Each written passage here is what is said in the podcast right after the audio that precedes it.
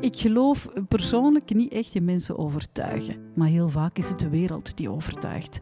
En dat is prachtig.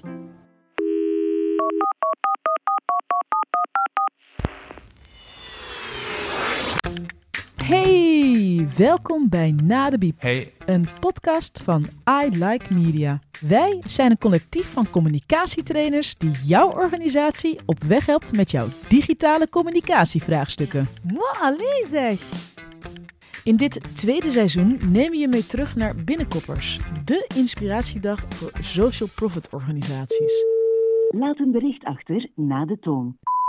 Ja, ik ben eh, Sarah Somers en ik werk bij Kortom VZW. We zijn een vereniging voor overheids- en social profit communicatie. En ik ben er vandaag op, eh, op Binnenkoppers. Ik heb net de, de talk van Anne Maas gehoord over de Positive Sum Game. Eh, ik vond het heel, heel inspirerend, heel interessant. Ik moet zeggen, ze heeft me helemaal meegetrokken in haar verhaal. Ehm, maar wat ik mij nu wel afvraag is, ja, hoe, hoe kan ik nu ehm, naar mijn organisatie gaan en daar ook iedereen meekrijgen in dat verhaal? Hè? Want, want je moet natuurlijk niet alleen overtuigd zijn, maar iedereen binnen je organisatie moet mee zijn en aan hetzelfde zeel trekken. Dus hoe doe je dat dan? Jij vraagt, wij draaien. Wij zijn Lopke en Jade, beide communicatietrainers bij I Like Media en ook beide helemaal fan van het maken van podcasts. Maar genoeg over ons, laten we het over Anne hebben. Joehoe. Ja, we hebben net een super interessante talk van jou gehoord over de snijpunten tussen profit en non-profit. Ehm, maar zou je misschien nog één keer kunnen uitleggen, wat is eh, de positive sum? Het is een, een, eh, verhaal of een boek dat ik eh, samen met mijn eh, echtgenoot Herman Toch heb geschreven. En ja, goh, goh, die, die Positive Sum Game gaat effectief echt over een maatschappijbouwend ondernemen.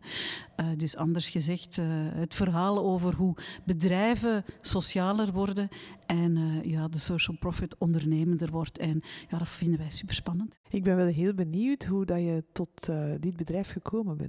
Ja, goh, Herman en ik, hè, wij schrijven niet alleen boeken eh, samen, maar wij werken ook samen. We hebben een eh, consultancy opgestart en die heet Flourish. Wij vonden dat eh, een treffend goed woord, hè, Flourish, bloeien.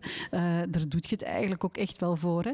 En, en ja, onze goesting is eigenlijk gekomen vanuit het idee, hoe kunnen we alle mogelijke partijen op de markt, en dat kan de overheid zijn, maar dat kunnen ook evengoed social profit of ja, echt ondernemende profitbedrijven zijn, Ehm, ja, wat, eh, wat meer maatschappijbouwend doen ondernemen. Want die goesting die zit eh, echt overal, maar er zijn er ook heel veel die eh, niet weten waar ze moeten beginnen.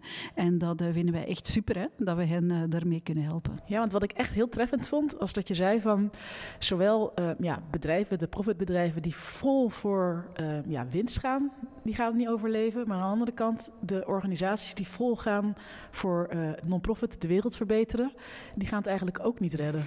Nee, dat hou je niet vol. Dat hou je gewoon niet vol. Als, je, als je jezelf vergeet op die fantastische reis, ja, dan, eh, dan is dat echt ongelooflijk moeilijk om daar consistentie in te krijgen en eigenlijk ook wel een lange levensduur. En dat is voor die non-profit of die social profit bedrijven ook heel belangrijk, hè, want die gaan voor sociale impact en dan wil je ook wel lang blijven bestaan hè, en ook wel eh, overleven. Tenzij dan natuurlijk het doel waar je het voor doet, hè, dat dat bereikt is. Ehm, maar ja, dat geloven we echt keihard, dat, eh, dat als je gaat ofwel voor het ene ofwel voor het andere, dus ook gewoon die bedrijven die keihard voor eh, enkel eh, centen in hun zakken en voor de aandeelhouders gaan, ja, dat, die, eh, dat die straks eh, dat dat een klein clubje wordt. Ja, wij kregen tijdens, eh, ja, tijdens jouw sessie ook een vraag van eh, Sarah van Kortom. En zij vroeg zich af hoe dat je eh, mensen mee kan trekken die nog niet mee zijn in het verhaal. ik, ik, ik geloof persoonlijk niet echt in mensen overtuigen. Eh, maar wat ik wel merk is dat eh, de wereld heel vaak mensen overtuigt. Hè.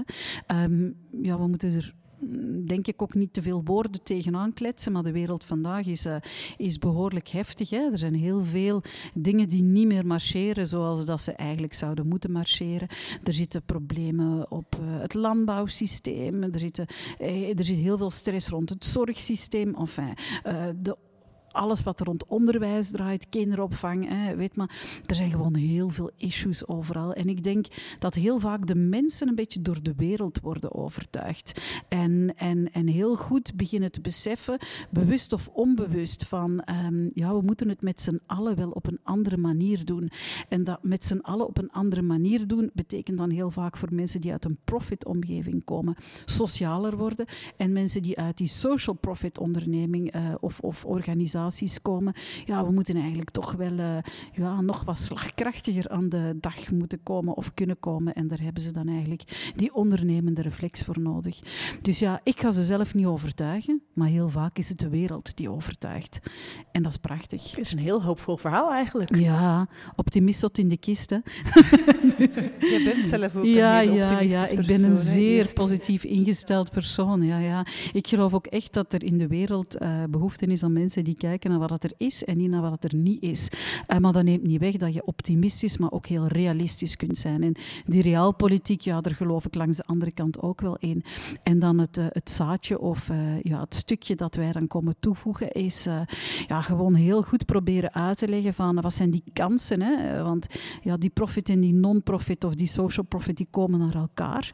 En, en er vallen heel veel kansen te rapen voor beide partijen in, in dat nieuwe speelveld. En dat, ja, dat willen wij heel graag vertellen. Kunnen we dat digitaal doortrekken? Want we zien heel vaak negatieve berichten op Facebook, op nieuwsites. Hoe kunnen we dat positieve verhaal online ja, eigenlijk gaan maken? Ja, dat heeft natuurlijk iets te maken met de menselijke reflex. Hè? Dat is van uh, als je bijvoorbeeld naar een winkel gaat of naar een bepaalde plek en het was er heel mooi of je bent er ongelooflijk goed geserviced geweest. Ja, de meeste mensen die zullen dat misschien wel vertellen, sociaal tegen elkaar, maar die zullen niet direct een post gaan zetten om te zeggen van halleluja, praise the Lord. Uh, de madame van een bakker die was zo ongelooflijk vriendelijk tegen mij. Als die schofterig of lastig is of heel traag, hè, dan, uh, ja, dan zal je dat op een leuke of niet zo leuke manier uh, wel, wel wat vaker op social media gooien. Dus helaas, uh, digitaal uh, verbinden doen wij heel vaak rond negatieve dingen. Um, dat zit in onze aard als mens. Dat is het beestje. er zijn ook heel veel studies over gemaakt dat dat een veel betere clickbait is dan vrolijke berichten. Maar toch, ik nodig altijd iedereen uit om te zeggen van als je kunt hè, en je hebt de energie en de inspiratie, maak dan ook eens een leuke post over iets tof dat, uh, daar heb ik altijd wel heel veel zin in om dat tegen mensen te zeggen van uh, you go girl of guy, wie dat ook is, of, of, of, of uh, x. Hè. Dus, Super, dat gaan we doen. Hè? Ja, misschien nog een laatste praktische tip uh, voor organisaties om hiermee aan de slag te gaan? Goh, organisaties om daarmee aan de slag te gaan. Het is natuurlijk een reis hè, dat je af, uh, aflegt. En uh, goh, wat, wat ja, ik ga hier dan wat schaamteloze reclame voor ons boek, de Positive ja, maken. Poep, poep. Uh, nee, goh, weet je, um, in, in, ten eerste in het boek hebben we proberen uit te leggen van wat zien we gebeuren op de markt. Hè. En hetgene dat we zien gebeuren in de maatschappij is profit en non-profit die samenkomen of die een stukje naar elkaar toetrekken en daar ontpopt zich een volledig nieuw speelveld. En dat speelveld, als je daar gaat spelen, maar ook als je op je oude plek blijft, hè, dan heb je echt wel wat te winnen door jezelf de vraag te stellen van, ja, weet je, waar sta ik? Hè? Uh, waar ga ik naartoe?